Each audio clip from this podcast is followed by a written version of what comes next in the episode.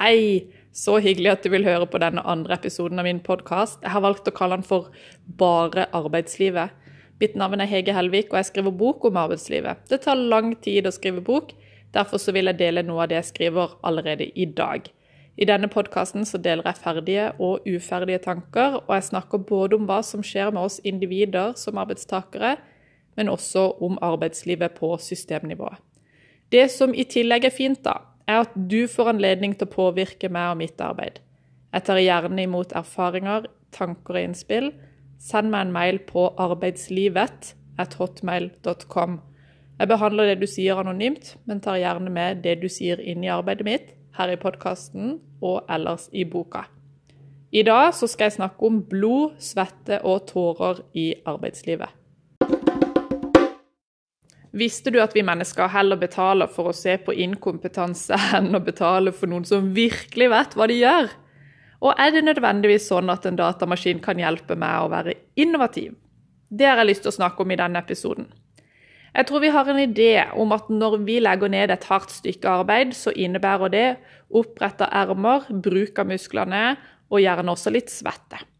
Men de færreste av oss jobber i dag i hardt fysisk arbeid, og utviklinga har jo skjedd veldig fort.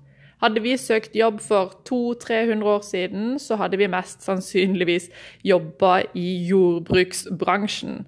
Men i dag er det derimot stor sjanse for at du på en eller annen måte skal sitte foran en PC-skjerm. Og gjerne også ha en jobb som krever kunnskapsutvikling, hva enn det betyr i en eller annen grad. Så hvordan kan vi da, da vise at vi jobber hardt, antageligvis gjennom lange dager, bøyde nakker og fortelle de rundt oss at vi har mye å gjøre. Men antageligvis så lurer vi oss sjøl og de rundt oss. En av de mer åpenbare grunnene til at dette er bortkasta tid, er at vi gjør en dårligere jobb desto lengre vi holder på med den jobben utover ettermiddagen og kvelden. I en dansk studie ble det avdekket at elever i skolen fikk dårligere karakterer desto seinere på dagen de måtte gjøre en prøve. Prøveresultatene ble i snitt 0,9 dårligere for hver time utover dagen elevene måtte vente før de kunne gjennomføre prøven. Det som likevel er interessant, da, er at den samme studien illustrerer hvor viktig pausene er for oss. For når elevene hadde pause på 20-30 minutter før prøven, så ble resultatene bedre. Pausen økte gjennomsnittlige resultater med 1,7% Ikke tro at vi blir noe bedre bare fordi vi er voksne. En omfattende kartlegging på et amerikansk sykehus viste at de ansatte ble dårligere til å bruke sånn rensemiddel, sånn antibac som de bruker etter at de har vaska hendene. Og de ble dårligere til det utover dagen. De registrerte da antall bruk på dispenserne med antibac, og oppdaga at bruken var betydelig lavere på ettermiddagen. Derfor så tenker jeg det er ganske kontraproduktivt med arbeidsplasser hvor det forventes at du skal jobbe sånn 60 timer hver uke. Og jeg har hørt historier om disse bedriftene, primært konsulentselskaper, hvor du som ansatt får kommentarer hvis du velger å gå hjem fra kontoret etter en normal arbeidsdag. Hva, skal du hjem allerede nå? På slike steder så kan det gjerne være en konkurranse i å være den ansatte som først har 300 overtimer i løpet av året. For da blir det en intern sak opp mot HR. Ironien er at de ansatte møter gjerne litt sånn blanda signaler fra sine overordna. Det er jo synd at de har måttet jobbe så mye. Nå rammes de jo av arbeidsmiljøloven, men det er jo også bra at de har jobba så mye, for det betyr jo mer inntjening. I mine øyne så er dette bortkasta tid. Og bortkasta kompetanse, ja, kanskje tjener bedriftene og forhåpentligvis de ansatte litt mer på kort sikt, men resultatet de gir til sine kunder, er dårligere og dyrere enn det det egentlig kunne vært. Arbeidsgivere i kunnskapsbedrifter burde derimot jobbe for at arbeidstakere er friske og opplagte, får nok søvn og hvileperioder. Og vi som ansatte, vi burde ta den pausen, og flere av de, med god samvittighet, for vi jobber faktisk bedre etterpå. En annen måte vi lurer oss sjøl og de rundt på, er å tro at PC-en er det viktigste arbeidsverktøyet vårt når vi skal jobbe med kunnskapsutvikling. Men det er ikke nødvendigvis sånn. Det viktigste verktøyet er nemlig vårt eget hode. Det måtte noen år i arbeidslivet til før jeg bokstavelig talt begynte å bruke eget hode. Og plutselig så oppdaga jeg at alle de gode ideene mine kom når jeg sykla til eller fra jobb, sto i dusjen eller gikk tur, padla kajakk Alle de stedene hvor jeg på en eller annen måte var uforstyrra. Her fikk jeg anledning til å reflektere over de bøkene jeg hadde lest, de samtalene jeg hadde hatt, og så sorterte jeg og satt ting i sammenheng i mitt eget hode. I etterkant så har jeg lært at dette er en metode som blir anbefalt for å trene opp ens evne til å jobbe i dybden med problemstillinger. Cal Newport kaller dette for produktiv meditasjon, intet mindre. Målet er å være fysisk aktiv, men ikke mentalt. F.eks. når du jogger, går tur eller kjører bil. Gjennom hele aktiviteten så skal du tenke på én definert problemstilling. Og det funker. Dessverre så har de færreste arbeidsplasser satt av tid til kunnskapsutvikling i dag. Og det er synd, for vi går antageligvis glipp av både innovasjon og besparelser. Ta f.eks. helsesektoren, som jeg nevnte i forrige episode. Hvordan kan vi forvente at en sykepleier får mulighet til å oppdage nye behandlingsmetoder, eller jobbe smartere, som kanskje kunne spart samfunnet for mange millioner kroner? når hun ikke engang kan gå og spise lunsjen sin i løpet av en arbeidsdag, eller å gå på do. Min åpenbaring gjorde i hvert fall at jeg våga meg å gjøre utviklingsarbeidet mitt utenfor kontorets fire vegger. Jeg tok av og til en spasertur, og en gang da jeg satt med en skikkelig stor problemstilling, så tok jeg meg like godt en kajakktur. Og der løste jeg problemet og jeg sparte antageligvis mine kunder for flere timers arbeid. Og jeg fikk en tydelig helsemessig fordel og et energinivå som gikk i pluss, men av en eller annen grunn så blir vi forledet til å tro at vi må sitte krumbøyd foran PC-skjermen, hvor energinivået går i minus, for å gjøre en god jobb. Jeg syns Dan Ariely har en veldig klok illustrasjon på vår evne til å lure sjøl og de rundt oss når det gjelder vår arbeidsinnsats. Han forteller at han hadde låst seg ut av huset sitt og fått en erfaren låsesmed til å komme. Låsesmeden brukte 90 sekunder på å bryte opp låsen, men skrev en faktura på 1000 kroner. Da han mente at prisen var noe stiv, og så begynte han å diskutere med låsesmeden. Men låsesmeden sa det at når han hadde begynt karrieren med å bryte opp låser, så var han ikke spesielt god. Han tok lang tid, og han ødela låsen også. Fakturaen den gang var også på 1000 kroner, men i tillegg så måtte han jo fakturere kunden 200 kroner ekstra for en ny lås, for å erstatte den låsen som han hadde ødelagt.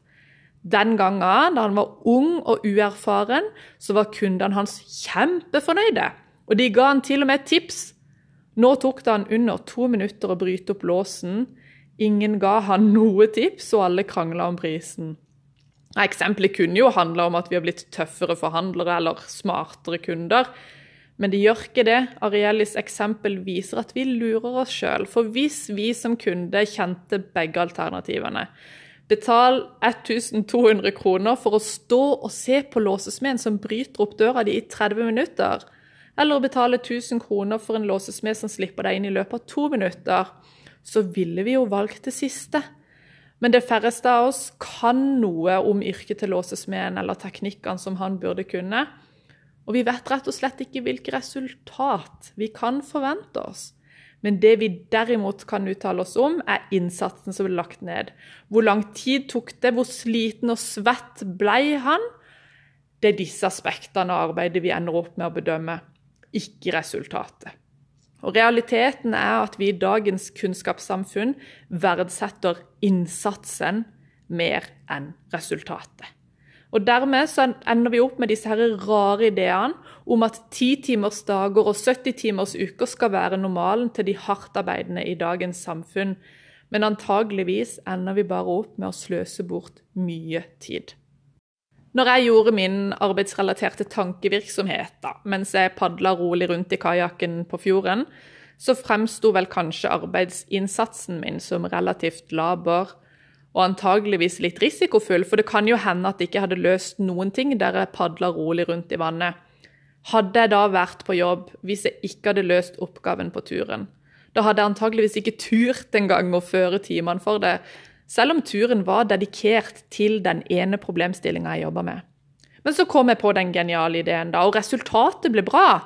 Antageligvis mye bedre enn hvis jeg hadde valgt å bli igjen på det sterile kontoret mellom skjermer og tastaturer mens jeg stirra lengtende ut på den solfylte fjorden.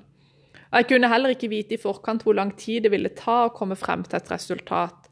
Kanskje trengte jeg tre timer, kanskje trengte jeg 15. Ikke engang kundene mine, sjefen min eller kollegaene mine kunne vite hvor lang tid jeg trengte for å gjøre jobben min. Det som iallfall er sikkert, er at vi i dag gjør det veldig tungvint for oss sjøl. Det er mye som ødelegger for vår evne til å jobbe effektivt og vår evne til å tenke ut smarte, nye tanker. Det at vi skal jobbe så innmari mye, gjør at vi ikke har overskudd til å tenke. Og det at vi skal bruke så mange timer foran PC-skjermen, er også med på å hindre det som heter kunnskapsutvikling. Og det tapper oss også for energi. Jeg husker jeg leste en sak om et norsk selskap, jeg skal ikke nevne navn. De hadde oppretta en egen innovasjonsavdeling, og det hadde som mål å finne det store, nye digitale gjennombruddet. Og Jeg så et bilde av denne innovasjonsavdelinga. Og Der satt de ansatte på rekke og rad med hver sin PC i et sterilt, vanlig kontorlandskap, som de hadde fått innrede med noen litt sånn fargerike bamser ikke søren om det nye digitale gjennombruddet kommer her, tenker i hvert fall jeg. Det er penger og kompetanse ut av vinduet. Sorry hvis det er noen av de som jobber i en innovasjonsavdeling som tilfeldigvis hører på denne podkasten. Forhåpentligvis så gjør du mer enn bare å stirre på en PC-skjerm etter innovasjon. For det er iallfall det siste stedet du kommer til å finne det. Men hva gjør vi da hvis vi jobber med ting som krever kunnskap? noe jeg mener de aller fleste jobbene gjør i dag. Da tenker jeg det er to ting. Det ene er at vi må slutte å tro at de som legger ned blod, svette og tårer i arbeidet sitt, gjør det så veldig bra. Antageligvis gjør de ikke det.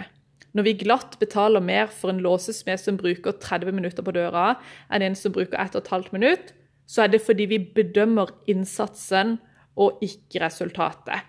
Og Den samme forventninga har vi også til oss sjøl. Hvis det svir i armene og øynene etter en lang dag på jobb, da har vi gjort en god jobb. Selv om resultatet er ræva. Det andre er at vi må bli flinkere til å komme oss bort fra skjermene. Jeg tror at de enkleste stedene å begynne er rett og slett å ta små rusleturer i arbeidstida. F.eks. når du har en viktig problemstilling du må få løst opp i. Det går også an å ha sånne gå-møter hvis man er to-tre stykker som skal diskutere noe. Helt til slutt så vil jeg si at eksempelet til Dan Arielli om låsesmeden er henta fra en episode av Oliver Berkman ved BBC Radio i forbindelse med en programserie om hvordan vi dyrker det å være så innmari opptatt hele tida. Hvis du liker den tematikken, så anbefaler jeg deg på det sterkeste å høre den programserien. Jeg skal legge ved en lenke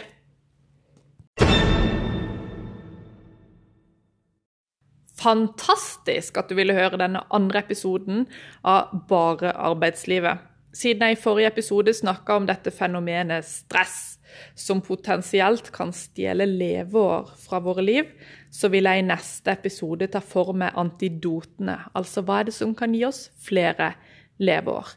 Inntil da, ta arbeidslivet litt mer med ro. Det er tross alt bare arbeidslivet.